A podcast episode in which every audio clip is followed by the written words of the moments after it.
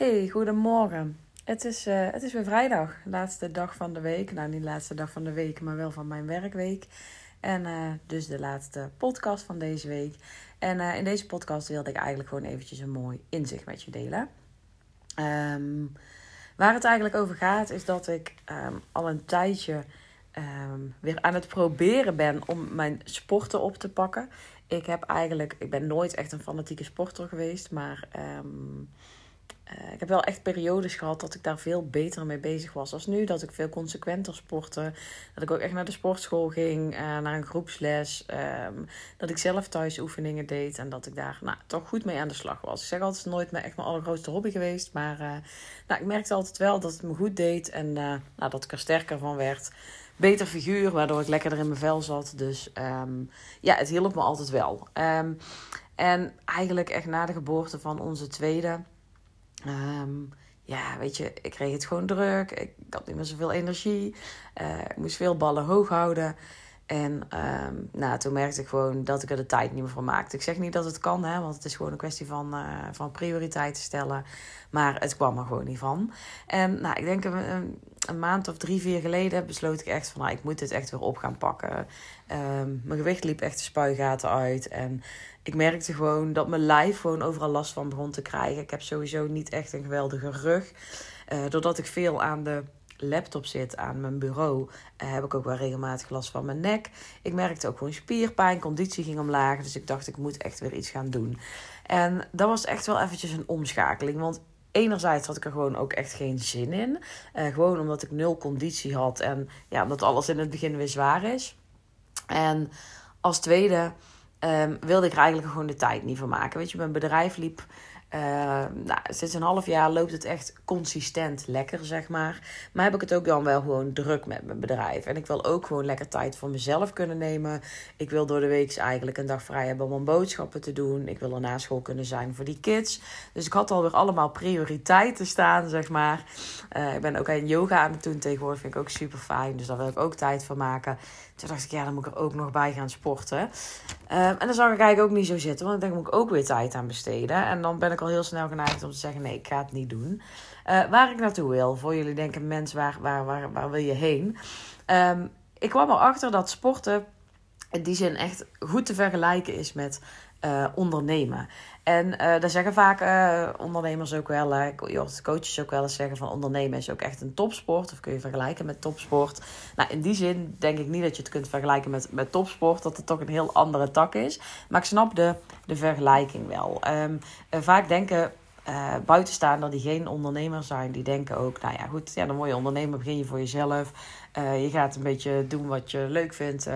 Je stuurt maar factuurtjes en that's it. Maar er wordt vaak onderschat hoe een mentale um, reis dat het ondernemerschap is. Hoe, hoe je mentaal gezien echt sterk in je schoenen moet staan om gewoon een goed lopend bedrijf te kunnen draaien. En dat is natuurlijk ook zo bij topsporters. Mensen denken, ja, die mensen kunnen van zichzelf gewoon lekker sporten. Die zijn lekker sportief aangelegd. En uh, nou, als je dat op een goed niveau uh, doet, dan kun je daar je geld mee verdienen en that's it. Maar mentaal gezien komt er natuurlijk een enorm groot stuk bij kijken. Dat je mentaal gezien ook sterk moet kunnen zijn om het leven als topsporter te kunnen dragen.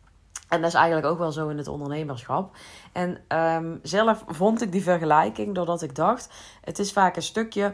We zijn vaak op zoek naar een stukje moeiteloosheid. En um, het liefst willen we eigenlijk dat alles in ons leven uh, vlekkeloos verloopt. Dat het lekker loopt. En het liefst ook meteen vanaf het begin. En dat is vaak zo uh, wanneer je weer gaat sporten. Uh, dus iedereen die weer begint met sporten, die denkt: Zo, dan ga ik weer sporten. Ik pak het weer lekker op. En zo ook ik dus. Uh, en dan voel ik me daarna weer fit en energiek en that's it. Terwijl je eigenlijk gewoon de eerste weken echt na 10 minuten back off bent. Elke keer denkt, shit, ik kan dit dus gewoon niet meer. Ik deed altijd uh, planken. Uh, zo op de grond, hè, op je armen en op je benen staan en dan in, in, de, in de vorm van een plank. Nou, dat kon ik echt prima. Ik weet eventjes niet meer zo goed toen hoe lang. maar volgens mij ja, 90 seconden tot, tot 2 minuten. Uh, volgens mij was dat haalbaar. Ik weet niet of ik nou heel erg overdrijf, maar dat, nou, dat was volgens mij goed te doen. Nu lukt het me dus niet eens een halve minuut toen ik weer startte. En dan moet je dus echt weer voor je gevoel vanaf nul beginnen. En ook qua conditie, weet je. elke keer als ik er iets aan het doen was, na 10 minuten was ik gewoon helemaal bezweet. Dacht ik, oh, ik kan niet meer. Brak ik. Dus mijn conditie was echt slecht. En dan moet je dus gewoon helemaal vanaf het begin beginnen. En je wilt eigenlijk naar die moeiteloosheid toe. Dat je gewoon gaat sporten voor je plezier. Dat je het leuk vindt. Dat je er energie uithaalt. En dat je gewoon prima een half uur tot een, half, tot een uur kunt sporten. Uh, en dat je dan pas back-off bent. Want je wilt wel back-off zijn, maar dan pas. En we zoeken dus naar een stukje moeiteloosheid. En volgens mij was ik een podcast aan het luisteren van uh, Tineke Zwart. Uh, toen ik me besefte dat dat ook zo in het ondernemerschap is. Dat je eigenlijk altijd op zoek bent naar een stukje dat het vanzelf gaat of zo. Het, het moet eigenlijk altijd maar makkelijk gaan. En als het niet zo gaat, dan zijn we eigenlijk niet tevreden. Maar als je gewoon gaat kijken naar alle aspecten in je leven. Hoe vaak gaat iets nou helemaal vanzelf? Weet je, dat je er niks voor over hoeft te hebben, dat het helemaal vanzelf stroomt. Ja, je hebt bepaalde dingen die je gewoon natuurlijk heel lekker liggen en die jou heel makkelijk afgaan en die eigenlijk altijd wel als vanzelf gaan. Maar voor heel veel nieuwe dingen, voor heel veel dingen die je uit wilt gaan proberen en voor dingen die je opnieuw op wilt gaan pakken, geldt gewoon dat je eerst eventjes door die weerstand heen moet. Dat je eerst heel veel soort van pijn moet ervaren. En of dat nou mentale pijn of fysieke pijn is. Je moet ergens doorheen om te komen waar je naartoe wilt. En die vergelijking zag ik ontzettend met het sporten en ondernemen. Daar heb ik namelijk precies hetzelfde ervaren. Toen ik startte met ondernemen, uh, toen vond ik het eigenlijk in het begin ook alleen maar zwaar en moeilijk. En ingewikkeld en het viel me tegen. En ik had er veel meer van verwacht. Ik had veel meer klanten verwacht, veel meer omzet verwacht. Uh, ik had totaal niet stilgestaan bij de kosten die erbij komen kijken uh, om te ondernemen. Wat je dan weer terug investeert in je bedrijf. Um, ik had er niet over nagedacht hoe zichtbaar zijn, hoe struggle dat kan zijn. Hoe moeilijk het is om dan ook echt jezelf te laten zien. Om te spreken voor een groep of op social media. Uh, al die dingen had ik zo gigantisch onderschat. En die vielen dus in het begin ook best wel tegen. En daar hoor ik dus van heel veel startende ondernemers dat die eerste twee jaar, of, of misschien in ieder geval het eerste jaar, dat die ontzettend zwaar voelen. En dat, dat je gewoon maar weinig moeiteloosheid ervaart. En daar heb ik zelf dus ook gehad. En volgens mij vertelde Tineke het ook in die podcast. Van, maar jongens, het is ook niet per se normaal. Er zijn heel weinig ondernemers die een bedrijf starten.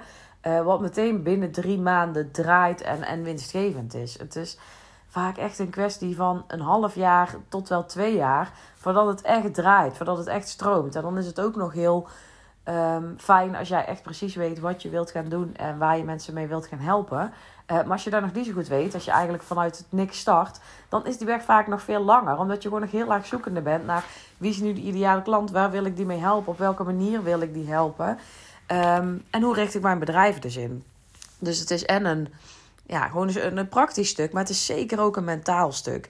Uh, dat je moet leren hoe je het op jouw manier kunt doen. Dat je uh, gaat leren dat je uh, gaat leren van anderen. Dus dat je bijvoorbeeld aan de slag gaat met een business coach of met een online training. Maar dat die training of die, die coaching niet leidend is. Dat je daar niet je hele leven en ondernemersreis aan vast hoeft te houden. Uh, want vaak gaan we dan niet doen. Dan denken we, nou, we gaan leren van anderen. En dan willen we het precies zo gaan doen zoals die andere doet. Zoals die business coach het zegt. Maar dat is niet altijd de manier. En daar ben ik ook achter gekomen. Want ik dacht, ja, dan ga ik coaching volgen en die gaan me vertellen hoe het moet. En ik ben ook altijd geweest voor het feit leren van anderen hè, die het pad al bewandeld hebben. Maar het wil niet zeggen dat die manier van die business coach precies jouw manier is. Dus dat je ook moet gaan ervaren, wat is dan mijn manier? Hoe kan ik dit... Sorry, ik uh, word een beetje schor. Hoe kan ik dit op mijn manier gaan toepassen?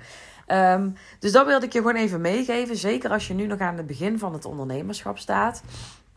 En als je vaak denkt van shit, het is toch wel ingewikkeld allemaal. Er komt toch wel veel op me af. Shit, ik heb toch nog niet zoveel uh, klanten als dat ik had verwacht. Nog niet zoveel omzet als dat ik had verwacht.